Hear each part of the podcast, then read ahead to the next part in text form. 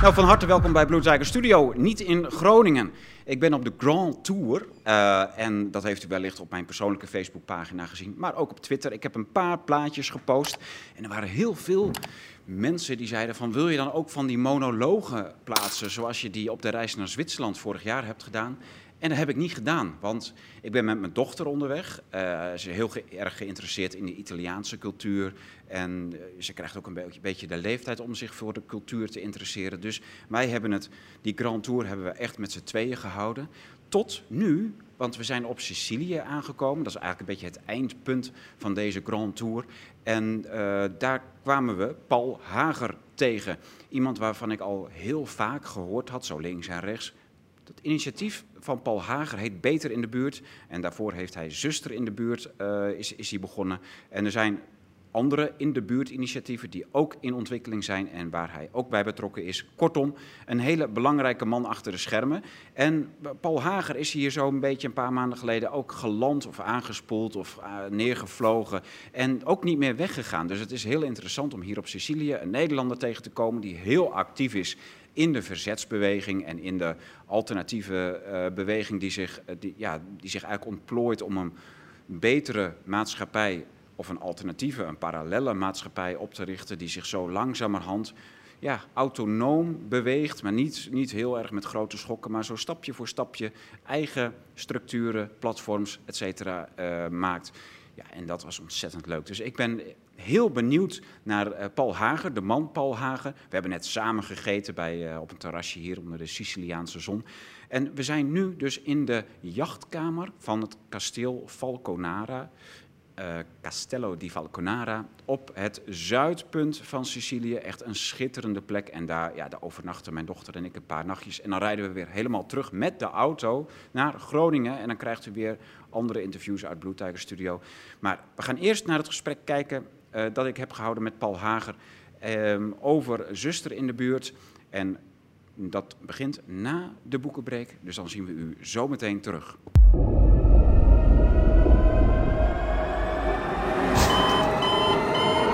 Welkom bij de Boekenbreek. Epoch 16 gaat in juni verschijnen en dat is een ontzettend belangrijk nummer.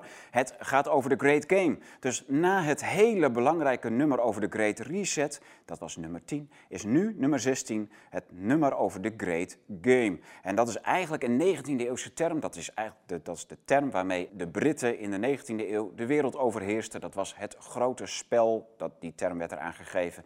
En dat is eigenlijk nooit opgehouden. De Amerikanen hebben dat overgenomen in de 20e eeuw. En in de 20e eeuw hebben dus Engeland en Amerika de handen ineen geslagen om de wereld te overheersen tegen Rusland, tegen Duitsland, tegen nu ook vooral China. Dat great game is dus ongelooflijk belangrijk. En u en ik gaan dat great game spelen met z'n met, uh, met allen eigenlijk. Maar u kunt het ook met, uh, thuis spelen met uw familie. Um, die cover van de Great Game is beschikbaar, de inhoud nog niet. Maar die, uh, ja, die cover belooft natuurlijk een spel. En we hopen ook dat dat uit gaat komen, dat spel, een soort risk, maar dan uh, vanuit uh, geopolitiek oogpunt beschouwd. Dus niet legertje tegen legertje, maar echt een leuk spel. Dat gaan we met u met elkaar spelen. Ondertussen is dat nummer 16 dus ontzettend belangrijk. Is echt een fundamenteel nummer aan het worden waarin wij de hele geopolitieke constellatie dus de geest achter de huidige machtsstructuren en de huidige conflicten gaan ontwaren voor u en eh, beschrijven in hapklare brokken wat dat allemaal betekent voor uw en ons leven. En een voorproefje daarvan is deze ene zin. Europa gaat eraan ten onder. Wij zijn het kind van de rekening. En dat is de analyse van heel veel auteurs die hieraan meewerken. En daarom is het ook zo belangrijk dat we dat allemaal lezen, dat we weten wat de agenda is in geopolitiek opzicht. En dat, uh, ja, dat wij, Amerika heeft een eigen agenda, die zal er bovenop kruipen. China is uh, booming en gaat er zeker niet op terugboeren. En Rusland vangt de klappen op. Maar wij in Europa gaan heel, hele harde klappen opvangen. En het is goed om te weten wat ons te wachten staat in dit, in dit, in dit ja, eigentijdse, dit 21ste eeuwse great game. Vandaar Epoch nummer 16. Van harte aanbevolen. U kunt hem al pre-orderen op de website. De link kunt u eh, beneden hier onder het filmpje vinden. En dus van harte aanbevolen om dat alvast te doen. U kunt zich natuurlijk ook gewoon abonneren. Dan begint u bij Epoch 15 en dan komt nummer 16 ook op de mat wanneer die uitkomt. Bij u automatisch. Als u zich abonneert, dan krijgt u niet alleen Epoch 15 over het kwaad, maar ook een gratis boek. En wel het boek van Ulrich Mies, een echt een schitterend boek. Door heel veel lezers bewonderd. En ik, we krijgen veel mailtjes terug met dit is echt een ontzettend goed boek. Een van de beste boeken uit jullie fonds. Ulrich Mies redigeerde dit boek en het heet Brave New World 2030. Gewoon in Nederlands. We hebben het vertaald uit het Duits. Ook net verschenen. Dus abonneer je op Epoch. U krijgt Epoch nummer 15 met Brave New World 2030. En nummer 16, The Great Game, natuurlijk in juni, wanneer het uitkomt.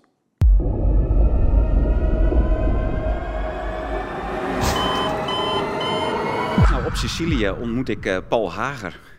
En uh, ja, dus niet in de studio in Groningen, maar zo uh, vind je Nederlanders in de buurt op Sicilië. Paul, leuk dat we even een interview doen zo ver van huis. Ja, Tom, hartstikke leuk. Ja, ja, we zagen op Facebook dat jij in Sicilië zat. Nou, Nederlanders op Sicilië, daar komen er steeds meer. Ja, hoe, hoezo komen er steeds meer? Ik ben eigenlijk alleen maar op vakantie, maar jullie zitten hier langer al, of niet? Ja, dat komt omdat, uh, wat je toch ziet is, uh, als je kijkt ook naar Nederland, en iedereen kent het verhaal van de smart cities, en overheden die, die steeds meer vanuit digitalisering ja. toch wel jou willen volgen en bewaken. Ja, dan zie je toch op dit soort eilanden veel meer autonomie. En vandaar dat we toch steeds meer Nederlanders hier ook tegenkomen omdat die zeggen, ja, we gaan uit die steden, we willen niet in smart cities, maar we willen gewoon naar autonome eilanden toe. En ja, Italië is gewoon geweldig. Je hebt het nu met vakantie gezien. We zitten hier in een kasteel waar jij overnacht, aan de zee. En uh, ja, dat geeft natuurlijk rust en mogelijkheden. Ja, we zitten in een kasteel, uh, een middeleeuws kasteel met iets latere aanpassingen, maar het is een waanzinnige, het is echt een oerplek hier. Hè? Ja. Maar dat soort plekken heb je hier meer langs de kust, of niet? Ja, klopt. Ja, zowel in de, aan de kust, maar ook in, de, in, de, in het land zelf. Je hebt geweldige stadjes. Het leuke is hier nog dat uh, je hebt hier gekozen burgemeesters. Okay. Dus de bakker is bijvoorbeeld de burgemeester. Ja, voor een jaar? Of? Ja, voor een paar jaar is het. Ja. De wisselt een beetje, ja. heb ik wel gezien. Ik weet nog niet zo heel veel uh, van, de, van de interne situatie in uh, Sicilië. Maar je hebt dus gewoon plaatsen, gemeentes, met 700, 800 inwoners nog. En die liggen gewoon op de bergen. Ja, ook nog heel veel verlaten en dan wonen weer mensen hele vriendelijke mensen. Dus het is echt wel heel mooi om tot rust te komen. Maar ook om te kijken hoe, hoe ga je hier vandaan dingen organiseren als je toch naar digitalisering gaat. Dus je hoeft niet meer te wonen waar je werkt. Nee. Hè? nee. kijk Paul, je bent bekend van Beter in de buurt en Zuster in de buurt. Dat zijn al jarenlange projecten volgens mij. Ja. Um, dus dat zijn eigenlijk projecten, zoals ik het begrepen heb, die eigenlijk de hele managementlaag in de zorg uitschakelen. En daar kunnen we zo op uh, doorpraten. Maar je bent heel druk daarmee. En, en hoe, hoe, kun je dan toch hier wonen? Ja, het gaat erover dat je, dat je, je kunt tegenwoordig natuurlijk heel veel digitaal. En uh, zorgverleners zijn natuurlijk heel veel fysiek uh, verbonden. Maar we zien ook steeds meer in de, in de zorg, zeker in de, in de psychologie, maar je ziet ook steeds meer in huisartsen, dat je ook als telearts kunt gaan werken. Ja. En uh, ik ben dan begonnen in de wijkverpleging, hè, omdat daar heel veel behoefte stond in en, en, dat het heel goed autonoom ook te organiseren is. Ja. ja. dat is natuurlijk heel fysiek gebonden. Maar als je dat anders organiseert, ja, dan heb je nauwelijks een overheid nodig. Dus dan kun je ook sturen op afstand. Nou, dat ben ik gaan doen. Ja. Dat is heel leuk. Jij, zei, uh, jij zag op Facebook dat ik hier zat. Uh, op Twitter en Facebook hebben we een paar plaatjes ge ge gemaakt of geplaatst van de Grand Tour die ik samen met mijn dochter maak uh, richting Sicilië. Ja. jij nam gelijk contact op of het leuk was om een interview te doen. En um, ja, je, ja, ik kende jou alleen maar via Berber Pieksma.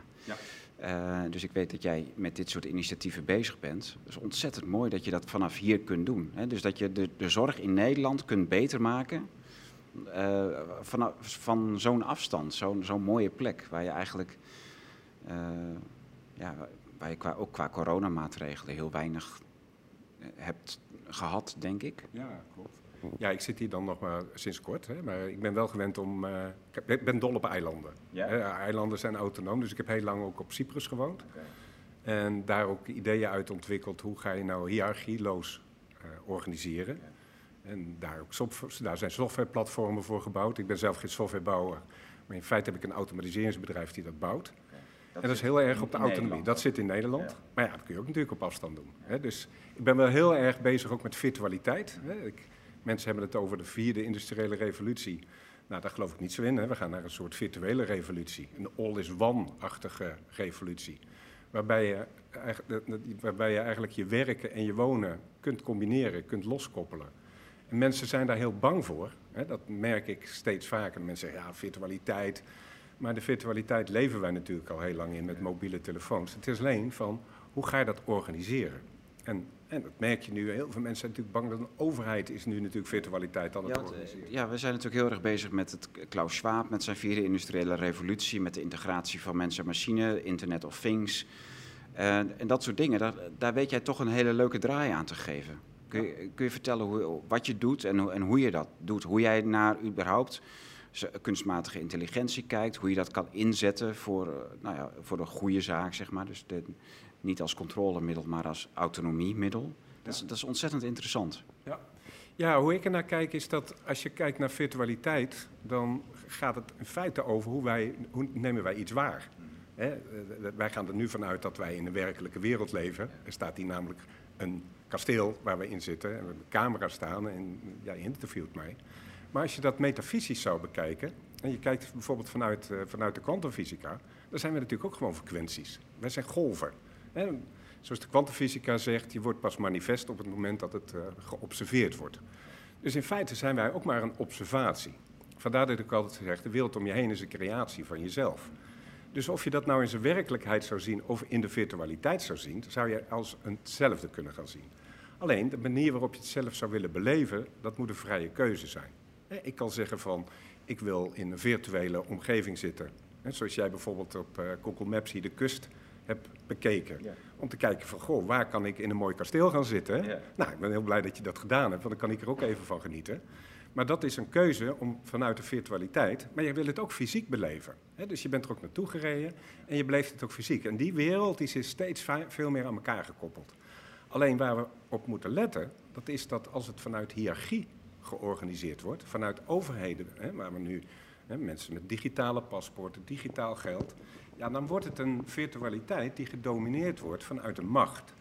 En dat is eigenlijk niet meer nodig, want we hebben namelijk die macht niet meer nodig. Hè. We zijn, zijn, zitten zo in een ontwikkeling van autonomie en kennis, dat je, ja, we zijn nog gewend om te werken in een bedrijf met een salaris Ja. en, een, en een managementstructuur en een hiërarchie.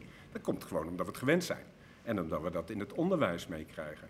Maar stel je nou voor dat je gewoon zegt van ja, maar ik ben die werknemer, maar ik ga dat helemaal autonoom doen. Ik ben een zorgverlener. Kijk vooral naar de zorg. Als je kijkt bijvoorbeeld in die coronacrisis, waar mensen in organisaties in de problemen kwamen met, vooral in die ouderenzorg. En dat 40% van de zorgverleners heeft ook gewoon geklaagd over het feit dat ze niet mee mochten doen in de hiërarchie. Om te kijken hoe ze die problemen aan eh, konden pakken. Dat, er waren alleen maar bedrijfskundigen die daarin zaten.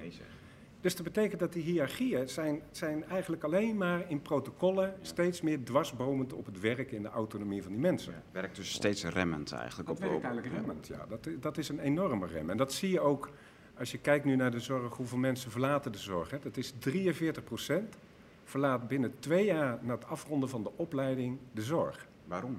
Omdat het niet leuk meer is. Hè, dat, de mensen die, het, die de zorg kiezen, kiezen dat toch vaak vanuit, vanuit het hart. Hè. De- de- eigenlijk is dat de wederkerigheid. Het is gewoon hoe wij als mensen met elkaar om willen gaan. Maar is dat echt het, dat je elke, elke handeling in, je, in dat boekje moet opschrijven, code moet geven, to- tot en met de zuster in de buurt aan toe die dat allemaal moet gaan verantwoorden? Maakt dat het werk niet leuk? Wat, maakt het, wat is het dan precies? Dat, dat, is een, dat is een belangrijk deel. Hè, dat gaat over die administratieve last. Ja.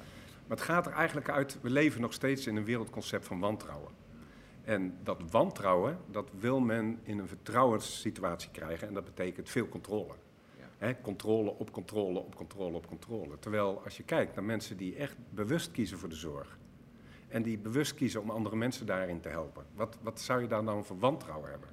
Als je kijkt, eh, er was pas ook een mooie, mooie post van iemand op LinkedIn, ook een, ook een wijkverpleegkundige. Dat, die werkt dan, dat heet ongecontracteerd. Dat betekent dat je geen afspraak maakt met de zorgverzekeraar, maar iedereen in Nederland is gewoon verzekerd. Dus iedereen is ook vrij te kiezen, dat weten veel mensen niet, maar je bent gewoon vrij te kiezen wie jou verzorgt. Ja, dus ook al heeft de zorgverzekeraar geen contract met de zorgverlener, Ja, toch kun je als patiënt kiezen van ik wil die eh, zorg, eh, eh, of ja, zorginstelling of zuster in, wijkzuster hebben die mij verzorgt. En dat moet die verzekering dan klopt. vergoeden. Ja, dat is is, dat in de wet verankerd. Dat Zo. is, dat is ontstaan in 2006, Ja, toen die marktwerking in de zorg kwam. ja, En toen is er gezegd van ja, maar dat betekent dat je, als je zorgverzekeraars hebt, zijn natuurlijk hele grote organisaties, Ja. hè, miljardenorganisaties. Eigenlijk heb je er maar vier. Hè, er zijn er officieel tien. Mensis, weet ik. Mensis, CZ, VGZ en eh Achmea Zilveren Kruis. Oké, En daarnaast heb je nog zes kleinere ja. en ondertussen zijn er 30 labels. Hè, dus dat is eigenlijk een soort kartel. dat is een kartel. Ja. Daarboven zit Zorgverzekeraars Nederland. En Ja. die bepalen gewoon hoe de zorg georganiseerd wordt. Die hebben een lobby naar VWS. En zo wordt die zorg eigenlijk gedomineerd. Mhm. Dat is destijds opgezet toch door eh Rauwvoet. Eh, Kling, do- ja. Ja, ja, Kling. Rauw- Rauwvoet heeft dat opgezet inderdaad. En, en Kling heeft, eh, Ab Klink die heeft dat uitgevoerd. En nadat hij zes maanden minister af was, werd hij, eh, Werd hij voorzitter het bestuur van van, VGZ. Ja. Ja. En, en hij kwam als bestuurder bij VGZ. Zo. Rauwvoet heeft, eh, die is ook in de zorg, heeft volgens mij bij Zorgverzekeraars Nederland. Is ook nog bij de grootste wijkverpleging geweest, Espria. Dus je ziet, daar die politieke invloeden zie je daar komen. Wa- wanneer dacht jij van dit kan ik anders doen? Dat kwam eigenlijk omdat ik al 15 jaar geleden, of nou inmiddels al iets langer nog, aan het nadenken was van hoe zou je nou samenlevingen anders kunnen creëren? Hoe zou je nou veel meer autonomie bij mensen kunnen brengen? Hè? Au- au- eh, eh, authenticiteit. Ja. En omdat op het moment dat je naar je, helemaal naar je eigen authenticiteit zou kunnen gaan, dan kun je ook vrij kiezen aan het leven. En dat zou je veel meer in je zingeving kunnen gaan zitten. Ja. En stel je voor dat iedereen echt helemaal authentiek is. Mhm. Hè, we hebben het vanmiddag ook wel eens even over gehad, over een waarheid. Ja. Dat je dan vrij bent om te kiezen wat je gaat doen. De zingeving. Hè, de meaning of life. Ja. Hè, daar gaan we naartoe. En, en, en daar is ook natuurlijk heel veel over te vertellen, over meaning of life. Maar zingeving is daar wel een, een element in. En op het moment dat je vrij bent in zingeving, dan kun je dus ook kiezen hoe je met elkaar omgaat. En centraal in ons model staat daarom ook akapé, de hoogste vorm van de liefde. Dus op het moment dat je begrijpt dat je authentiek bent, dat je vrije keuze hebt voor het werk wat je doet, wat je dus heel veel in die zorg dus ziet. En mensen die de zorg kiezen, kiezen dat vaak al vanuit, vanuit kinds af aan. Maar op het moment dat je dan in de, waar we het over hadden, die 43% die dan toch weer terugtrekt uit die zorg, dat komt omdat je ineens in een systeem komt dat je niet vertrouwd wordt. Ja, maar het is een enorme kapitaalvernietiging Dat is een natuurlijk. kapitaalvernietiging. Als je kijkt dat een eh, tarief, dat heet, eh, de tarieven worden vastgesteld in de wijkverpleging door de Nederlandse Zorgautoriteit, NZA. Die hebben een tarief vastgesteld van 78 euro per uur voor een wijkverpleegkundige. En daar krijgt zij... 15 euro netto. 15, oh, nou. Als je dat uitrekent en je kijkt gemiddeld is dat 3320 euro bruto per maand, dan hou je 15 euro netto over. Dus de werkgever krijgt 78 euro en jij krijgt 15 euro netto. Ja. Nou, toen dacht ik van, ja, maar dat, dat zou je toch moeten veranderen. Alleen die markt die zat heel erg vast in contracteren. De Algemene Wet Bijzondere Ziektekosten. Maar omdat die marktwerking in 2006 in is getreden, heeft de wetgever wel rekening gehouden met het feit dat je die enorme kapitaalkrachtige zorgverzekeraars hebt en in feite financieel zwakkere zorgaanbieders. Ja. Vandaar dat ze een artikel in de zorgverzekeringswet hebben opgenomen, dat is artikel 13. Ja. En dat is vrije artsenkeuze. In 2014 hadden we nog de Algemene Wet Bijzondere Ziektekosten. Daar viel de wijkverpleging onder. Ja. En dat was toen ook onder de VVD-minister Edith Schippers. Is dat veranderd, is naar de Zorgverzekeringswet gegaan, een wet langdurige zorg. Nou, toen kwam ik eigenlijk op, want wat gebeurde daar? Het vrije artsenkeuzeverhaal, wat dus de mogelijkheid geeft dat iedere zorgaanbieder, ook al heb je geen contract met een zorgverzekeraar, toch zorg mag aanbieden. Gewoon op basis van de genormeerde kwaliteiten die je hebt.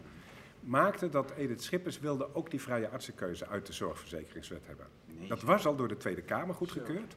Ja, en dat gaat voorbij aan mensen, hè, want het is zo belangrijk. Dat is niet alleen belangrijk voor die Maar zorgaanbieder. het is dus niet gelukt. Dat is niet gelukt. Dat kwam doordat er een Kamerlid was van de coalitiepartij, toen PvdA, Adrie Duivestein. Zo. En Adrie Duivestein was een ex-kankerpatiënt. En die heeft zelf meegemaakt hoe dat is als patiënt. Om, eh, hij is ook uitbehandeld, is een artikel in de Volkskrant heel groot over geweest, uitbehandeld kankerpatiënt geweest. Dat kwam, toen is hij door een andere behandelaar geholpen. Ja, hij leeft nog, hij werkt nog. Dus die man die had zoiets van, ja, zonder vrije artsenkeuze, ja, dan was ik nu, was ik nu dood geweest. Ja. Dus die heeft tegengestemd, hebben nog een paar tegengestemd. Zo is die wet niet doorgaan. Dat was 14 december 2014. En 1 januari 2015 ging het AWBZ naar de zorgverzekeringswet. En toen dacht ik van, hé, hey, maar nu kun je mijn modellen die ik heb, de software, het stamcelorganisatiemodel, in die autonomie, kunnen we nu gaan introduceren. Want dat betekent ineens dat we vanuit die zorgverzekeringswet, ook met allerlei zorgverleners die niet gecontracteerd zijn, die zorg kunnen gaan verlenen. Want er gaat natuurlijk een wildgroei ontstaan. Hè? Dat noem je ZZP'ers, hè? zelfstandigen zonder personeel. Ja. En we zagen ook uh, dat vooral in de steden, en dat probleem is alleen nog maar toegenomen, dat je ook heel veel mensen hebt met, met, met andere achtergronden. Hè? Ik vind dat je zorg moet je richten op levensbeschouwing. Ja, maar het komt ook heel dicht bij levensbeschouwing. Absoluut. De, uiteindelijk komen ziekenhuizen ook voort uit uh, levensbeschouwelijke instellingen. Klopt. Ja. Hoe, hoe zag jij dat dan, dat, dat die behoefte daar was? Dat kwam eigenlijk, ik heb een jaar of 15 of 17 geleden, zag ik hier in Rotterdam, uh, was met een, uh, vriendin van mij, zij was Turks. Dus ze zei, ga eens een keer mee naar de bioscoop, naar een Turkse film. En ik, ja, ik weet die naam van die film niet meer, maar wat, het was in Istanbul. En er was een oudere man, die zat in een uh, oudere instelling. Maar die durfde amper naar buiten toe, want hij was bang dat hij bekenden tegen zou komen, want het was een taboe dat jouw kinderen niet voor jou zorgden. Ja. En toen dacht ik, hé, hey, maar dit is ook een probleem wat wij hier in Nederland gaan krijgen binnenkort. Omdat die eerste generatie Turken en Marokkanen, die zitten natuurlijk met hetzelfde. En die kinderen daarvan, ja, tegenwoordig moet je in Nederland, wil je een beetje kunnen bestaan, moet je wel twee verdiener zijn, want anders kun je huis niet betalen. Nee. In Nederland kun je niet meer en, en alleen een huishouden voeren. Dus dan ga je die problemen krijgen dat die mensen ook in de, in de, in de professionele zorg moeten komen. En je zag, en dat zijn natuurlijk de eerste generatie Turken, dat daar toch kinderen, vooral uh, de meisjes, hè, de, de, de, de, vrouwen in die omgevingen, dat er toch nog wel een traditioneel model in zat. Terwijl die wel heel veel uh, behoefte hadden om professionaliteit in die zorg te gaan doen. Dus ik dacht, als we ons daarop gaan richten, dan kunnen we en die mensen opleiden van niveau 2, 3, 4. En we kunnen meteen op basis van de levensbeschouwing die mensen koppelen om die zorg te gaan organiseren. Nou, en daar zijn we toen ongelooflijk goed in geslaagd. Maar ja, zoals we weten in Nederland, hè, vanuit de Belastingdienst, de profilering. Ja, als je in Nederland een beetje een, een afwijkende achternaam hebt, ja, dan kun je al gauw een label krijgen. Nou, daar zijn we ook tegen aangelopen met die zorgverzekeraars. Echt, echt waar? Ja, omdat het er dan ineens vanuit gaat van... Je moet je voorstellen, die zorgverzekeraars die regelen alles. Die hebben een database waar alle declaraties in komen, Factis heet dat. En dat wordt ook gebruikt door de overheid, ook door VWS, als maatgever van wat is, wat, hoeveel zorg wordt er besteed. Maar ja, dat is wel een database van zorgverzekeraars. Dus waar wij tegenaan liepen, dat is dat die zorgverzekeraars die sluiten contracten met grote instellingen. Dat zijn vaak volumecontracten. Dus wat betekent dat? Voor die grote instellingen, op het moment dat jij een zorg hebt die intensief is, die wil jij liever niet. Want dat, is, dat past niet goed in jouw volumes. Dus dan kun je minder cliënten aan in een, uh, in een jaar. Dus wat ideaal voor mensen die niet gecontracteerd zijn. dus de intensievere zorgen, die gingen vaak naar ons toe. Dat is ook fijn voor die zorgverleners, want die hebben dan drie of vier cliënten die ze zelf met een zelfgeformeerd team eh, verzorgen. En een hele menselijke zorg gaat natuurlijk ontstaan. Hè. Mijn ouders, die zaten in de wijkverpleging. Is dat niet extreem duur of zo? Nee, nee het is 30% goedkoper. Want er is nog een gek iets in, de, in, in, in die wet. Dat is een artikel 11. Dat betekent dat op het moment dat jij als cliënt een eigen keuze maakt voor de zorgverlener, yeah. dan hebben we in Nederland twee polissen. We hebben een A-keuzepolis en een B-keuze. 80% sluit voor, voor 5 euro minder in de maand eigenlijk de B-keuze af. En dat betekent dat de verzekeraar ervan uitgaat dat je gecontracteerde zorg neemt. Aha. En als je dan niet gecontracteerd neemt, dan krijg je maar 75% vergoed. Maar ja, Tom, als je 78 euro voor een wijkverpleegkundige betaalt, die maar 15 euro netto krijgt, hmm. dan is het een simpel rekensommetje. Die verzorgenden die willen dat ook best voor die 75% doen. En ik zou je zeggen, de praktijk is zelfs 65% Hè? Zo. Ja, maar, dan, maar die verzorgers die verdienen dan alsnog meer dan hun gecontracteerde. Dus de zorg is 30% goedkoper, ja. de mensen verdienen 20% meer. Ja. Alleen wat zegt de zorgverzekeraar? Dat is nu gelukkig, de Nederlandse Zorgautoriteit heeft nu ook ingezien dat dat niet waar is wat zorgverzekeraars zeggen. Want die willen natuurlijk alleen maar gecontracteerde partijen hebben. Ja. dat zagen we ook met de coronacrisis. Hè? Al die particuliere klinieken mochten niet meedoen, want daar hebben we geen contracten mee. Dat begint een klein beetje te veranderen. Maar dat is zeker in die wijkverpleging. Dat moet naar die hele grote instellingen toe. we zien dat ook dat dat verdeeld wordt nu in de steden. Maar waar zij, wat, wat, op het moment dat jij dus die zorg kunt uitvoeren En die mensen die kunnen die intensievere zorg ook doen. En wij deden heel veel terminale zorgen. Dat, eh, dat, dat, dat zijn vaak 24 uur zorgen. Die worden weliswaar maar voor 12 uur betaald. Maar die zorgverleners die blijven dan gewoon 24 uur per dag bij mensen die in hun laatste levensfase zitten. Omdat het heel mooi is om te doen. En dat is ook heel belangrijk, hè? want we hebben in Nederland het recht om thuis te overlijden. Ja. Dus een hele belangrijke zorg. Alleen, er werd er gekeken van, hé, hey, maar die ongecontracteerde zorg, in die factis-statistieken, ja, die besteden per cliënt veel meer zorg dan dat een gecontracteerde partij doet. Dus dat is fraude. Hè? Want de verzekeraar, een verzekeraar is natuurlijk een verzekeraar, let- let's face it. Hè? De zorg wordt gefinancierd door een verzekeraar. Ja. En de verzekeraar is per definitie iemand die altijd werkt vanuit wantrouwen. Ja. Het is een heel raar systeem in feite. Hè? Dus er zijn zorgverleners die altijd werken vanuit vertrouwen, want jij vertrouwt jouw zorgverlener. En dan hebben we een instituut wat vanuit wantrouwen dat gaat financieren. Dus dat clasht. Ja. En dan, maar dan zeggen ze, ja, maar er wordt veel gefraudeerd, dus we moeten wel heel veel controleren. Ja, dat, dat, en die controle is goed. Dat is ook heel belangrijk. Daar zijn we ook tegen aangelopen. Want wat willen ze dan controleren? Dan willen ze ook alle medische gegevens hebben. Ah, Nou, dat doen we en? niet aan mee. Want dat mag niet. Nee, nee daar, is een, daar is een keurige wetgeving voor, hè, AVG eh, afgekort. Dus heel belangrijk, medische gegevens.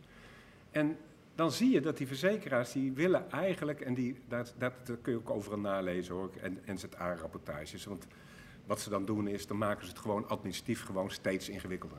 Voorheen betaalde de verzekeraar rechtstreeks aan zuster in de buurt uit, en wij betalen dan gewoon de zorgverleners uit. En hoe dat bij ons werkt, is dat wij huren geen zorgverleners in. Nee, de zorgverleners werken zelfstandig. Dus als er een euro binnenkomt, wordt ook een euro doorbetaald. En zijn ze dan lid van jullie platform? Of, Ja. ja. Ja, dus we schrijven daar gratis in. En wij faciliteren eigenlijk alles op het administratieve gebied. Ja. Machtigingen, we zorgen voor wijkverpleegkundigen, kennis delen. Dus alles wat je eigenlijk nodig hebt, waarvoor mensen vaak in loondienst zijn, want ze Ja. denken dat ze dat niet zelf kunnen. Dat faciliteren wij.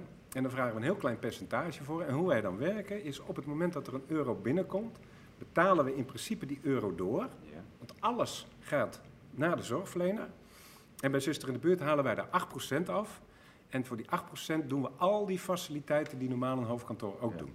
Dat, is, dat zijn eigenlijk percentages van een agentschap. Dat, is, dat zijn Ja, hele, zijn hele lage percentages. Ja. Dat is niet te vergelijken bij die 65 euro die de man managementsalagen van de instellingen allemaal eh, Klopt. ben Dat heb je overhouden. nodig. Dat heb je niet nodig. En wat we nu doen bij Beter in de Buurt, hebben we gezegd van... hé, maar dit model, zeker nu ook door die corona's... Hè, wat ik net al zei, 43% eh, verlaten zorg binnen twee jaar. Maar wat je ook gezien hebt, is dat 40% geklaagd heeft... dat ze niet in die coronacrisis in de instelling mochten meedoen. Omdat daar de bedrijfskundigen zitten dan in die teams. En dan zeggen ze, ja, maar wat moet nou een bedrijfskundige in die crisisaanpak, terwijl die zorgverleners het zelf doen? We hebben dat gezien bij, bij artsen. Maar, maar wat is dan de reden dat ze er niet bij mochten springen? Dat gebeurt helemaal niet meer. Als er georganiseerd wordt in de zorg, komt er zelden een zorgverlener bij. Dat is zelden. Als je, ik weet nog wel, een van de eerste interviews eh, toen de internisten uit Utrecht ook, eh, ik weet niet of dat ook via Blue Tiger Studio was, maar onder andere Eveline Peters. Hè, die begonnen toen te vertellen van, maar wij konden het gewoon aan. Wij hebben het georganiseerd. Het waren artsen die hebben gezegd, weet je wat, wij nemen nu wel even vrij af, dat alles geconcentreerd kon worden op die hele corona-aanpak. Hij heeft gewoon de zorg georganiseerd. Maar op het moment dat die management erbij kwam, dat zien we nu ook uit heel veel van die WOP-verzoeken, ja, dat is een hele andere invloed geweest, omdat daar, eigenlijk zie je dat altijd in een hiërarchie, zolang, het gaat allemaal over imago. Hè, de top zit altijd in het imago. Dus als zorgverlener ook in die grote instelling, je bereikt helemaal niks, tenzij het ten koste gaat van een imago. En de hiërarchie is eigenlijk imagobescherming, maar dat gaat ten koste van die zorgverlener. En vandaar dat we dat omgedraaid hebben. Dus ik kon op 1 januari 2015, toen die vrije artsenkeuze bleef, toen dacht ik, ja, maar nu kunnen we dus ongecontracteerd doen. En dat is ook belangrijk, want Ja. toen konden we ons richten op die levensbeschouwing. Want heel veel Turkse mensen weten helemaal niet hoe die zorg werkt. Nee. En die vinden het dan fijn als dan een, eh, een verzorger of verpleegkundige ook van Turkse afkomst bij hun aan het bed komt. Absoluut. Ja. Plus we kunnen ze opleiden. Ja. Dus het begint bij niveau 2 heet dat, algemene dagelijkse levensverrichtingen. Ja. Ja, wat doen verzekeraars? Bijvoorbeeld mensen is weer bijvoorbeeld. Die zeggen ja, niveau 2, wat gewoon opleidingen zijn, hè, professionele opleidingen, VWS, contact mee gehad. Maar die zeggen ADL eh, eh, niveau 2 vergoeden wij niet meer. Dus dan heb je ineens een polisaanpassing Ja. per 1 januari. Maar dat zijn ze toch gewoon verplicht? Maar weet je wat het probleem is? Wij hebben wij zouden duizend procedures kunnen volgen. Machtigingen die verminderd worden, ook al wil een arts het anders. We hebben, we hebben een procedure tegen mensen, is over privacy schending. Het is, het, is vandaar dat we nu met Beter in de buurt weer bezig zijn. Van, jongens, we kunnen het autonoom doen. Ik heb het al aangetoond dat dat werkt. Maar laten we het ook breder maken. we roepen ook huisartsen op. Uh, we zijn nu met uh, fysiotherapeuten volop bezig. Dat we een complementaire zorg met elkaar kunnen gaan maken. Want dan kunnen we kijken, hè, er komt nu een tekort aan huisartsen. Stond van de week nog weer in de trouw. Ja. Dus wat je zou kunnen doen is, daar zijn we vooral bezig in die steden, met, met, met zorgpleinen. Waarbij je in feite, heel veel huisartsen willen ook niet mijn eigen praktijk eh, kopen. Dan moet je investeren in een duur gebouw. Enorm. Dus dat wil je eigenlijk niet meer. Dus je ziet nu ook heel veel jonge huisartsen die dan in loondienst komen. Die zitten vaak weer bij een oude huisarts. Die heeft natuurlijk weer de macht. Hè, terwijl je dat anders kunt organiseren. Dus waar we nu mee bezig zijn, daar zoeken we eigenlijk ook investeerders op. Of locaties gewoon in, in, in, uh, in steden. Waar we, gewoon, waar we zorgpleinen kunnen maken. En dan zeg je, als we nou eens zorgen dat die huisarts vooral als expertisecentrum op de achtergrond treedt. Eh, diagnoses maakt voor, uh, voor chronische ziekten, acute zorg. Maar veel meer naar die wijkverpleegkundige ja, kant dus laten. Het hele, sociale, dagelijkse, uh, de, de, ja, dat, dat doet dan de wijkverpleegkundige. Precies. En, en zo'n huisarts coördineert dat. Die coördineert dat meer. Ja. En dan maak je zorgpleinen waar fysiotherapie aan gekoppeld is, waar de GGZ aan gekoppeld is, waar de jeugdzorg aan gekoppeld is. En we zijn nu ook bezig, we hebben nu net, uh, daar gaan we nu ook opzetten, schuld, schuldhulp in de buurt. Want nu met die inflatie, uh, wat er gaat gebeuren, je krijgt, er was al heel veel schuldhulpverlening nodig. gaan we ook krijgen. En dan ga je eigenlijk kijken, kunnen we niet in die steden, rondom die zorgpleinen, en dan gaat het over de echte fysieke zorg, maar ook je mentale zorg, maar ook je holistische zorg. Er zijn heel veel huisartsen die veel meer naar die lifestyle kant gaan. En dan, krijg, dan heb je echt dus curatoren in, uh, bij aangesloten, of hoe gaat dat? Ja. En veel, veel gepensioneerde mensen. We zien dat ook met, uh, met, uh, vanuit de, de, de, zorgverzekeraars. Die hebben ook op een bepaald moment besloten om het niet meer aan zuster in de buurt te betalen, maar aan de cliënt. Nou, dat is echt dramatisch natuurlijk, want het zijn mensen die vaak licht dementerend zijn. Die kunnen niet bij hun eigen bankrekening, die worden bestolen. En wij moeten incassos op gaan zetten. is echt, echt, echt triest is dat hoor. Ja. Maar het zou, wij hebben wel steeds meer mensen die dat voor die cliënten dan maar gaan doen. die gaan dan de administratie voeren, omdat die zorgverzekeraar stort geld op die bankrekening. Ja, je zit met allerlei onnodige omwegen waar je mee opgezadeld wordt. Je hebt uh, de, mensen bijvoorbeeld dan van Turkse Komaf en, en meer andere groepen die, ja, dan krijg je een bankrekening in Turkije waar dat geld heen gesluist wordt en dan gaat de bank moeilijk doen. Uh, je hebt met uh, verzekeraars te maken. Heb, heb, waar loop je zoal tegenaan? een aantal dingen. Dat is bijvoorbeeld, de verzekeraars hebben toen, dat noem je sessieverbod.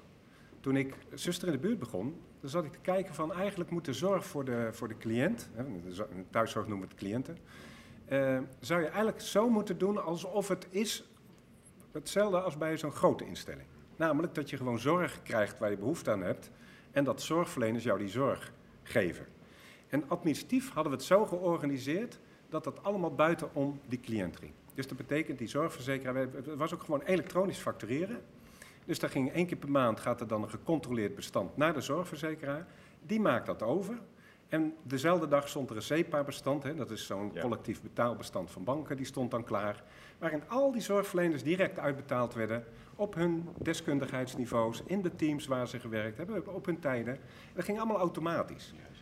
En op een gegeven moment zeggen die zorgverzekeraars, om dit te dwarsbomen, want het gaat gewoon over die vrije artsenkeuze die er steeds af moet, omdat te dwarsbomen hebben ze toen een sessieverbod. Want wat wij dan deden, dan lieten wij de cliënt een sessieovereenkomst, dat is een overdracht van de vordering tekenen. Dus die konden dan mee met de facturen naar die zorgverzekeraar van de cliënt heeft de vordering overgedragen aan ons, zodat die verzekeraar, en sommigen deden dat zoals VGZ en Zilverkruis met elektronisch betaalbestanden, en één keer betaalden ze dat. Nou, mensen gingen dozen vol papieren facturen, maar die betaalden dan wel rechtstreeks aan ons uit. Dus dat kon je automatiseren. Maar doordat die verzekeraars hebben op een gegeven moment een sessieverbod in de polis gezet. Dat betekent dat de vordering niet meer overgedragen kan worden.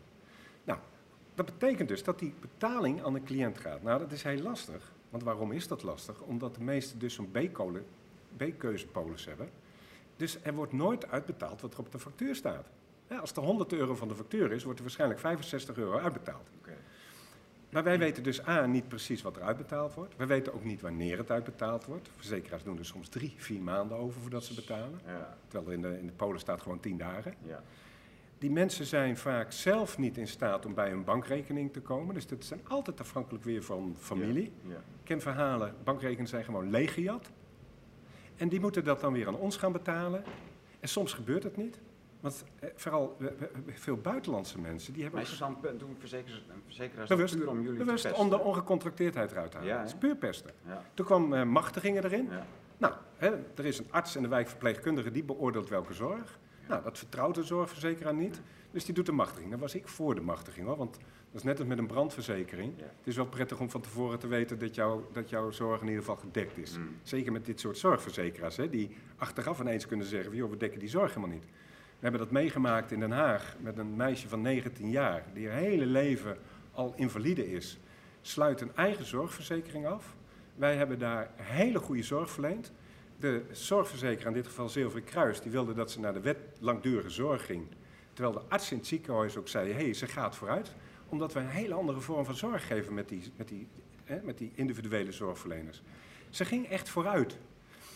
Maar Zilveren Kruis tot op de dag van vandaag 130.000 euro gewoon die zorg niet betaalt aan dat meisje. Ja. Waardoor ze dus gedwongen de WLZ in moet.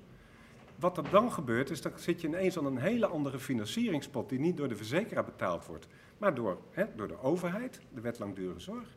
En dan komt ze ineens een heel ander, ander traject waar ze waarschijnlijk intramuraal, dus in een instelling moet eh, opgenomen worden. Daar is dan geen plek voor. Nou, dat is een probleem wat veel ouderen op dit moment hebben. 20.000 ouderen wachten nu bijvoorbeeld op een instelling. Dat is dramatisch, want die mensen zijn dementerend. Die hebben 24 uur zorg nodig. Betalen nu wel een eigen bijdrage. En dan kun je ze als ongecontracteerde zorgverlener... en dan moet je weer een persoonsgebonden budget. Dat is zo ongelooflijk ingewikkeld gemaakt. En dan denk ik van, joh, het is zo makkelijk te organiseren. De mensen, wij zien dat ook. Als die mensen op die manier de zorg kunnen gaan doen... is voor de cliënt veilig, fijn. Maar het is ook voor die zorgverleners gewoon heel erg plezier. Want je bent echt bezig één op één met jouw cliënt. Waarbij iedere zorgverlener is niet fraude aan het plegen. Daar hebben ze namelijk geen tijd voor. Die is bezig om jou beter te maken. Nou, en dat willen we ook met beter in de buurt. Hè? Dat we zeggen van, als we dat nou complementair maken. En dan kun je ook ineens een vuist maken naar elkaar. Want let's face it, als jij een zorgverlener bent en je hebt die 15 euro netto, dan verdienen ze wel iets meer, maar dat komt om de onregelmatigheidstoeslagen. Hè, want dan zegt de verzekeraar, ja, ze verdienen meer. Ja, maar hoe lang? Moeten ze zondagnacht en in het Ja, kerst gaan werken? Dan die verdien je iets meer. Ja, dat is ziekteverzuim in Nederland. Als, je de, als je kijkt, de zorg is nummer twee in Nederland van ziekteverzuim. Nou, Nummer één is onderwijs. oké. Dus alles wat door de overheid hiërarchisch georganiseerd wordt, Is eigenlijk niet te doen. dat is eigenlijk niet te doen. Dat zie je dus heel hoog ziekteverzuim. Dus wij zien ook heel laag ziekteverzuim. Dus ja, wij roepen dus ook op van willen we echt een verandering in die zorg gaan aanbrengen, dan moeten we dat. En dat betekent niet dat je zonder zorgverzekeraars hoeft te werken. Dat betekent niet dat je eh, zonder een overheid hoeft te werken, maar we kunnen het wel op een andere manier met elkaar organiseren. En dan breng je de verzorg weer van mens naar mens. En nu zit daar een protocol onder, die door bedrijfskundigen gemaakt is. Een Tayloriaanse systeem, hè, waar we het vanmiddag ook even over hadden, dat is gewoon nog absoluut aanwezig. Ik noem het dan liever Escofferiaans. Escoffier was natuurlijk de kok die onze keukens veranderd heeft, een tijdgenoot van Taylor. Maar die ging veel meer voor plezier, welzijn en gezondheid. Nou, dat zijn de organisatiemodellen waar, eh, waar wij nu mee werken. En ik denk dat als je dat doet, en we spreken weer het hart aan van de zorgverlener, dan heb ik zoiets van, joh, verzamel je. Hè, kijk eens op de site bijvoorbeeld van Beter in de Buurt. Schrijf je in, het is gewoon gratis. We hebben programma's voor als je in loondienst bent, dat we je met educatie mee kunnen nemen. Of dat je zegt, ik zit nog in loondienst, maar ik wil wel deels al meedoen in mijn vrijwilligheid. Ondersteunen we je in. Of je bent al helemaal een zelfstandige. Nou, dan ben je helemaal bij ons thuis. Wij zorgen voor de administratie, we zorgen alles dat dat voor jou geregeld is. En we maken met elkaar een vuist. Want je krijgt het als zorgverlener gewoon niet voor elkaar om dat te veranderen. Dat is in 1989 al eens een keer geprobeerd. Daar is een vakbond uit ontstaan, nu 91. Maar ondertussen zit je nog steeds met 15 euro en 78 euro en je werk is niet goed. Dat moeten we op een andere manier organiseren. En dat kunnen we met Beter in de Buurt. Fascinerend. Nou, eh, je verwees er al naar. We hebben lekker eh, eh, in, buiten in de, onder de Siciliaanse zon voorgepraat. hè. Ja? Een, een, mooi kennismakingsgesprek met een lekker hapje hier buiten. En, maar je vertelde toch wel dat je veel te maken had met advocaten, veel in de rechtbank moet. Ja. onder andere vanwege verzekeraars. Waar loop je dan tegenaan? Wat, wat komt er zo voor het hekje eigenlijk daar bij, bij die rechtbank? Ja, nou waar we een zaak hebben lopen, dat is uh, tegen mensen. De verzekeraars, dat is net als met de Belastingdienst, en dat is ook terecht, die heeft het recht om achteraf te controleren. Dus dat doet de Belastingdienst ook. Dat heet materialiteitscontrole. Maar er zijn allerlei hele strikte regels zijn eraan. Dat is gewoon wetgeving. Ook waar een zorgaanbieder zich aan moet houden, maar ook een zorgverzekeraar. Die verzekering die heeft een bepaald mandaat en dan mag hij niet buiten zijn boekje. Klopt. En daar hielden ze zich niet aan. En dat ging vooral over medische gegevens van onze cliënten. De medische gegevens mogen wij vanzelfsprekend niet aanleveren. Ik ben er ook natuurlijk op tegen. Ik ben heel erg voor privacy. Waar we het net over virtualiteit hadden, dat kan alleen maar als we privacy uh, goed borgen. Er zijn, wat ik je al vertelde, Internet of Attributes uh, heb ik ontwikkeld daarvoor. Maar dat betekent dat die privacy erg belangrijk is. Dat houdt in dat de zorgverzekeraar moet dat eigenlijk bij een cliënt gaan vragen. Mogen wij aan uw zorgverlener uw medische gegevens ook vragen? Nou, dat voldeed mensen niet aan. En wij hebben gezegd van dan kunnen wij die gegevens niet aanleveren. We willen aan ieder onderzoek meewerken, want we hebben die administratie gewoon perfect op orde. Maar we gaan niet meedoen aan dit soort schendingen. En het zit eigenlijk in hetzelfde programma, want de rapportage van de NZA zegt het, hè? Sessieverbod, waar we het al over hebben. Ja. Het moedigen van dit uh, de sessieverbod, machtigingen, maar ook extra controle staat er gewoon in. Maar op het moment dat die controles, die worden dan echt met de loep. Hè? We hebben echt overspannen zorgverleners gekregen. Zorgverleners die failliet zijn gegaan. Want wat zijn mensen is bij 1 januari, 1 november 2019... van nou, als jullie die gegevens niet aanleveren, dan betalen wij de zorg niet meer. Dus heel veel zorgverleners hebben natuurlijk die cliënten die met mensen zitten. En die laten die cliënt helemaal niet los. En die gaan er ook allemaal van overtuigd van ja, maar wij doen toch goed werk. De zorg is toch belangrijk, dus wij, wij krijgen toch wel gewoon betaald. Dat weet mensen dus niet. Toen, zijn wij, toen hebben wij een kort geding aangespannen, waarvan we eigenlijk dachten twee vingers in de neus. Want het is gewoon een bepaling in, uh, in de wetgeving dat die gegevens niet door een zorgverzekeraar opgevraagd mogen worden. En, uh, en ze vroegen ook allerlei persoonsinformatie van de zorgverleners. Hebben we ook van gezegd, dat leveren wij niet aan zonder hun toestemming. Maar je kunt ook een beroep gewoon doen op de openbare registers. We hebben een BIG-register, we hebben AGB-registers. Dus de registers die zijn gewoon openbaar waar ze gebruik van kunnen maken. Wij willen de gegevens wel aanleveren, maar alleen met toestemming van degene waarvan we de gegevens aanleveren. Dus daar zijn we toen een kort geding over gestart. Maar ja, dan loop je tegen de vooringenomenheid van de rechtbank aan. Want er is natuurlijk over ongecontracteerdheid steeds het verhaal. Dat zijn de bandieten, dat zijn de zorgcowboys. Daar wordt te veel zorg verleend. Dat is helemaal niet waar. dat blijkt nu ook uit die rapportage van de NZA. Maar goed, dat is het beeld wat er is. En daar zit natuurlijk een rechter ook mee. Dus we hebben toen een meervoudige eh, rechtbank gehad. En ik denk dat we een klein beetje geluk hebben gehad. Want een van die rechters, die kwamen later in de zaak tegen van de zorgverlener tegen ons. Ja. En onze advocaat kon toen ook zeggen tegen de rechter: ja, maar eigenlijk ontbreekt hier een partij. Dat is namelijk die zorgverzekeraar die niet uitbetaalt. En deze zorgverlener die zit nu financieel in de problemen. Dus die doet nu een beroep op zuster in de buurt. Maar ons model is: wij betalen die euro door op het moment dat wij hem ontvangen. Wij zitten daartussen, hè, want in feite hebben we een eigen economie daarmee gecreëerd. Waar we heel veel bevoorschotingen konden doen. En maar dat dingen zelf doen, dat moet je toch in Nederland helemaal niet willen? Dat is niet de bedoeling, hè? Nee, dat is het hele verhaal. En toen, kregen we, toen werden we afgewezen in het kort geding. Dus eigenlijk weer rechtsweigering. Want ons punt werd niet behandeld. Het werd doorverwezen naar de hoofdzaak. Ja, en daar hebben we maar uiteindelijk op gewonnen. Maar is wel anderhalf jaar later, eh, Tom. Dus dat betekent dat je... Dat wij dan ben je als, als ondernemertje ben je gewoon helemaal klaar. Dan ben je failliet in anderhalf jaar. Een van de vier verzekeraars kun jij ineens niet meer doen. Ja. En als mensen gingen bellen, zijn mensen... Ja, het zijn fraudeurs. Zit in de fraudeonderzoek wat niet was. En daar kun je eigenlijk niet zoveel tegen doen. Ja. En wat kun je doen? Een rechtszaak beginnen? kun je een rechtszaak tegen de rechtbank beginnen over rechtsweigering. En hoeveel geld? Dit, dit hele procedure heeft ons al bijna een ton gekost. Ja. En, dat is, en de advocaat van mensen is, die betalen wij weer als premie betalen. Dus het, het, is als jij premie betaalt aan mensen is, dan betaal je ook de advocaat van mensen is die weer strijdt tegen jou. Dus het is een bizar verhaal. Maar wat het ergste was, en daar konden we echt niks meer aan doen, dat is dat heel veel zorgverleners dachten van, wij gaan dat geld wel krijgen van, uh, van mensen. Inmiddels hebben die zaak toen gewonnen in mei. Maar ze hebben nog maar de helft uitbetaald. Hè? Kun je weer gaan procederen. We hebben al die gegevens aangeleverd. Nou, dat is, dat is, niet, dat is geen treiteren meer. Dat is echt, dit, is, dit is gewoon straf, strafbaar gedrag. Ja, dit. ja, dus daarom zijn we ook een hoger beroep gegaan. Dan kun je geen aangifte doen. Nou ja, dat is gewoon heel lastig. Hè? Want ik, ik merk wel, wat we wel hebben gedaan is een hoger beroep gegaan. Want de rechter heeft dus bepaald dat wij in het gelijk zijn gesteld Uh, dus uh, we hebben nu ook, uh, dat heet dan een verklaring voor recht. Dus wij, zij, in feite is mensen is nu schadeplichtig vanaf 1, 1 november 2019. Maar ja, nou moeten we schadeprocedure gaan beginnen. Maar we zijn eerst hoger beroep aangetekend, omdat de rechter wel vond dat wij de persoonsgegevens moesten aanleveren van de zorgverleners. Nou, oké, okay, als de rechter dat vindt, leveren we ze aan. Maar dat hadden ze eigenlijk allemaal al. Hè? Dus er is ook nauwelijks enige correctie heeft plaatsgevonden, behalve op een niveau 2. Want toen dat inging, die polis wat ik je net vertelde, niveau 2, toen waren er wel heel veel zorgen nog die doorliepen. Het kan niet zijn dat iemand op 1 januari ineens niet meer uit bed gehaald wordt, toch? Nee, Dus die zorgen zijn nog even doorgelopen. Die hebben ze gecorrigeerd en die zijn, die zijn niet uitbetaald. Dus nauwelijks enige, enige correctie is er geweest. Maar we hebben wel, ik geloof dat nog steeds de helft niet is uitbetaald.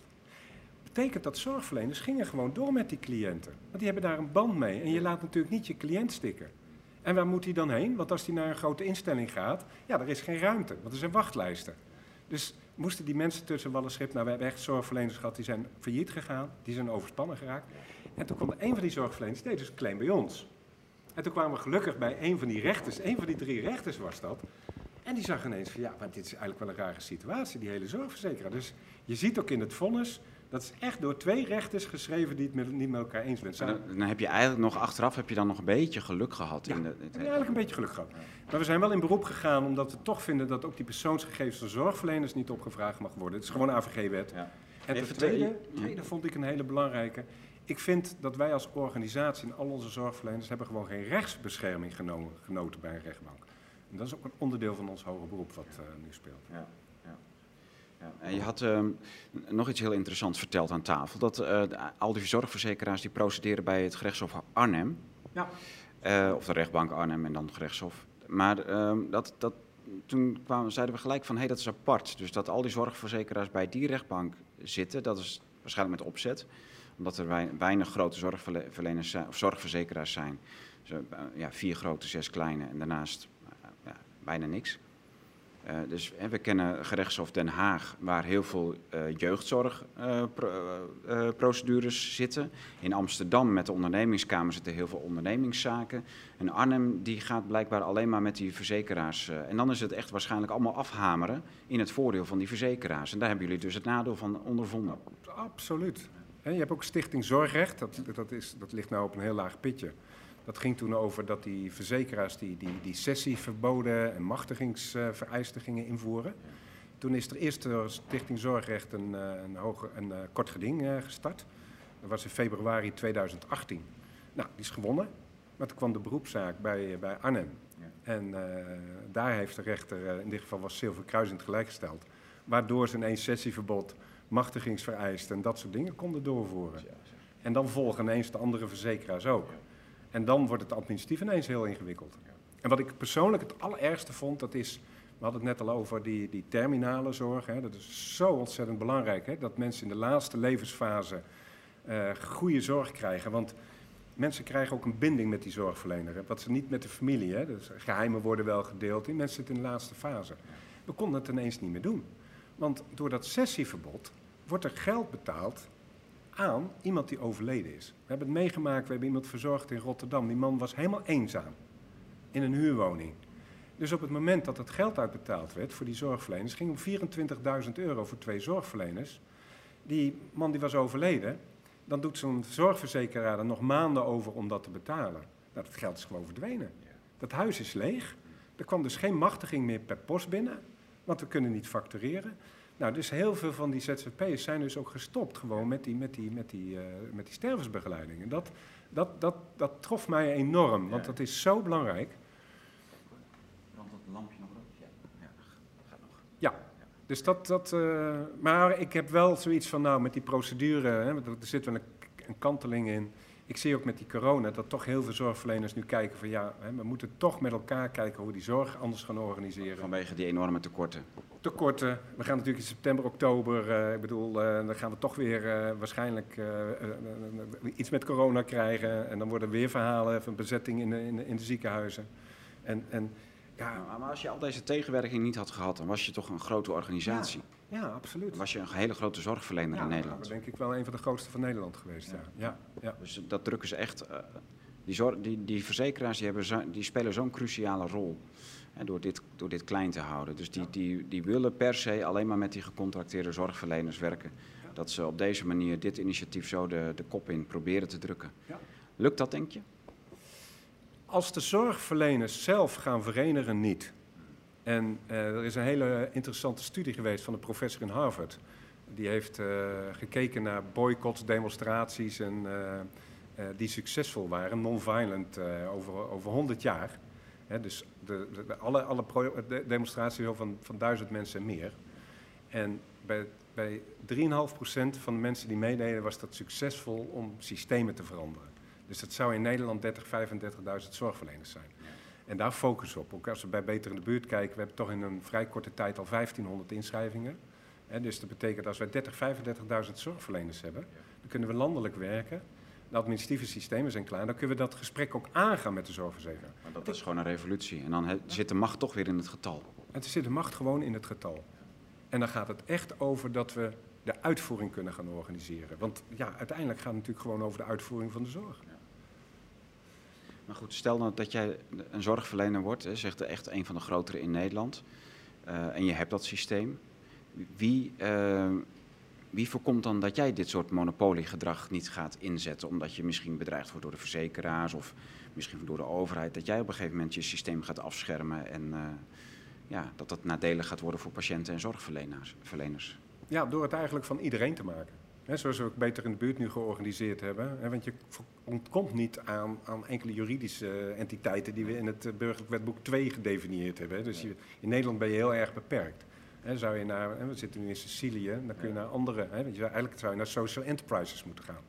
Maar ja, kom maar eens aan met social enterprises bij een zorgverzekeraar over een overheid. Dus je bent wel gedwongen om dingen in stichtingen of BV's te doen. Dus we hebben dat eh, gedaan eh, in, in, in, in, een- in een BV.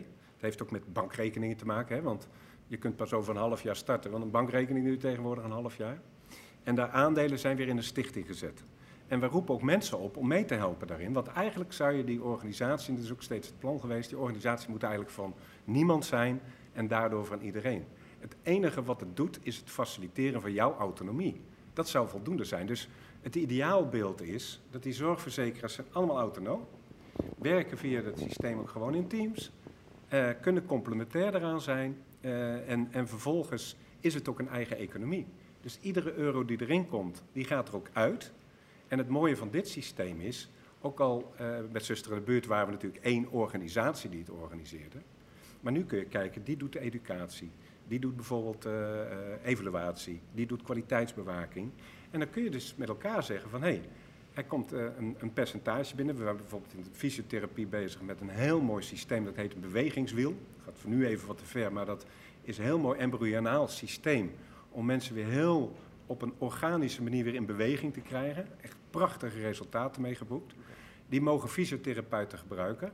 Maar die expertise die wordt dan weer betaald als een percentage van wat die fysiotherapeut uitbetaald krijgt. Hè. Dus die fysiotherapeut ontvangt een euro van zijn cliënt, maar daar gaat een klein percentage af, hè, waar we het net al over hadden, bijvoorbeeld voor administratie, maar ook de financiering van de mensen die dat bewegingswiel hebben gemaakt. En zo kan dus iedereen gewoon meedoen zonder dat iedereen een rekening naar elkaar stuurt. Je hebt dus geen debiteuren, crediteuren. Er hoeft geen bank een krediet te verstrekken, hè, want we kunnen met elkaar bevoorschotten. Je hebt geen rente en aflossingen, dat soort zaken heb je dus allemaal helemaal niet meer nodig. Maar op het moment dat er een geldstroom komt, wordt ook iedereen transparant en eerlijk eh, uitbetaald. En dan hoeft het, hoeft het van niemand meer te zijn. Dus dat is ook wat ik eh, ook tegen mensen zeg. Ik, ik- ook die software, ik geef het gewoon weg. Hè, want het, ik wil eigenlijk alleen maar een mooiere samenleving met elkaar creëren. En als je daar dan aan meewerkt, dan krijg jij jouw deel wel aan jouw deel wat je brengt in die samenleving. Dat is wederkerigheid. Ja, dat klinkt heel goed. Ja, je gaat volle bak door, denk ik. Maar zie je dat goed gaan met al die tegenstand die je van die grote organisaties krijgt? Ja, ik heb wel een overtuiging. Ik leef zelf al 15 jaar in de volle overtuiging dat het universum geeft jou wel op het pad wat je nodig hebt. En er zijn soms eh, best wel eens lastige dingen natuurlijk, hè, daar loop ik nou ook wel eens tegenaan. Maar dat is wel een, een, een tegenwerking die zegt van joh, je zit even niet op het goede pad. Hè, dat is natuurlijk ook heel bijbels, hè, de paden die, en de talenten die er zijn. Dus ik ben heel erg overtuigd van het feit dat op het moment dat, dat je, hè, waar, waar we al over begonnen, jouw waarneming, hè, de wereld om je heen is creatie van jezelf. dat datgene wat jou creëert, kom je ook tegen. En ik, ik leef dus al 15 jaar zo, hè, dat op het moment dat jij dat wat je nodig hebt, dat komt wel op je af. En die overtuiging heb ik. En daarom ben ik ook gewoon, ik twijfel er ook geen seconde aan om dit door te zetten, ook al met al die tegenwerking. Want ook daar geldt de wereld om je heen, is creatie van jezelf. Hè. Dus als ik bij een zorgverzekeraar zou werken, als mens is, en ik, of, of hè, wat we mee gemaakt hebben met de Belastingdienst, dan vind ik ook dat diegene die aan de telefoon zat, die misschien een parttime baan heeft van 12 uurtjes, hè, wat makkelijk is in het gezin. Maar je bent wel diegene geweest die ook mee heeft gedaan aan dat systeem om iemand geen zorg te geven. Of om iemand uit huis te zetten. Of een van die 1115 kinderen die uit huis gezet zijn. Ja. En ook daarvoor geldt dat het universum zorgt wel, ook wat jij wel of niet nodig hebt. En daar ben ik echt van overtuigd, omdat ik ook geloof in incarnaties. Hè? Dus ik geloof in een, en natuurlijk een leven na deze dood. Hè? Dus we zitten niet alleen maar hier op aarde in dit leven, maar we zitten ook nog in andere levens. En ja, dan mag het dan hier, mag hier misschien niet een volle beloning zijn, maar misschien komt die ergens anders. Maar andersom geldt dat ook. Dus dat is eigenlijk ook een waarschuwing aan al die mensen. Hè? Want daarom hebben we ook in onze modellen AKP staan. AKP, dat is de hoogste vorm van de liefde. Dat gaat, ik, ik vertaal het, het, zelfopofferende liefde? Ja, het is niet echt zelfopofferend. Als je uitgaat dat de wereld om je heen de creatie van jezelf is, ik vertaal hem als de vaste intentie tot de wil van het hoogste goed van een ander. Want in de wederkerigheid ben jij ook die ander. dus op het moment dat wij geloven in de wederkerigheid, dan kan dat, voor heel veel mensen is natuurlijk, willen dat graag doen, maar durven het niet graag te doen. En dat komt omdat wij natuurlijk nog steeds in hiërarchische systemen zitten, in een wereldconcept van wantrouwen. Vandaar dat wij modellen hebben ontwikkeld. Dat heet stamcelorganisatiemodel. Dat is een heel organisch organisatiemodel. Daar zit het stamcelkristal in. Dat kun je gewoon elektronisch bewaken. En daar zitten alle elementen in. Wat gaat er eigenlijk om dat wij met elkaar in de verbinding transacties maken.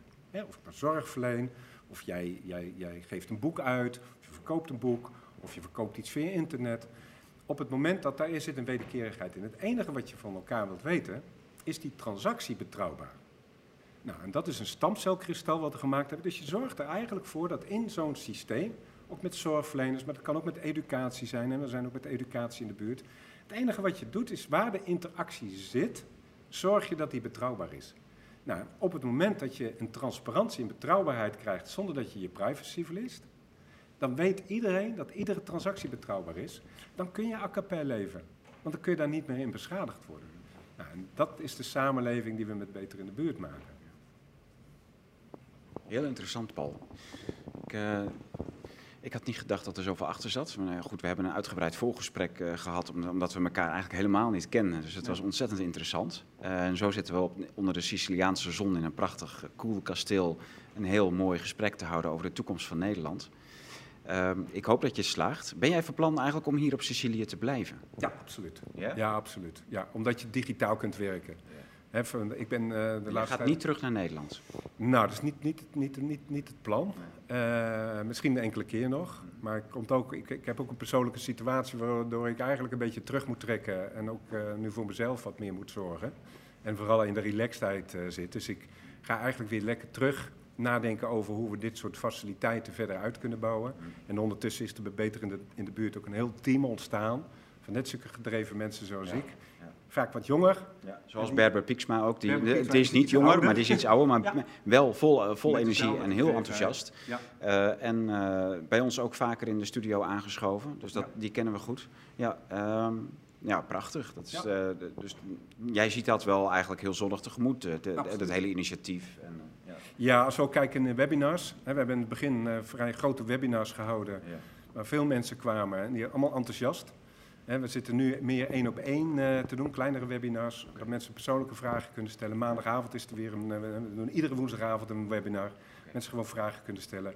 Dat nou, zijn zorgverleners of? zijn vaak zorgverleners, ja. ja. ja, Maar we zien ook, uh, in de educatie zijn we nu ook al bezig. Frank Ruisink, misschien Rusink, die is bezig met leraar in de buurt. Ja. er zijn al een aantal initiatieven, die, die zijn, het is allemaal volgens hetzelfde model. Okay. Ja.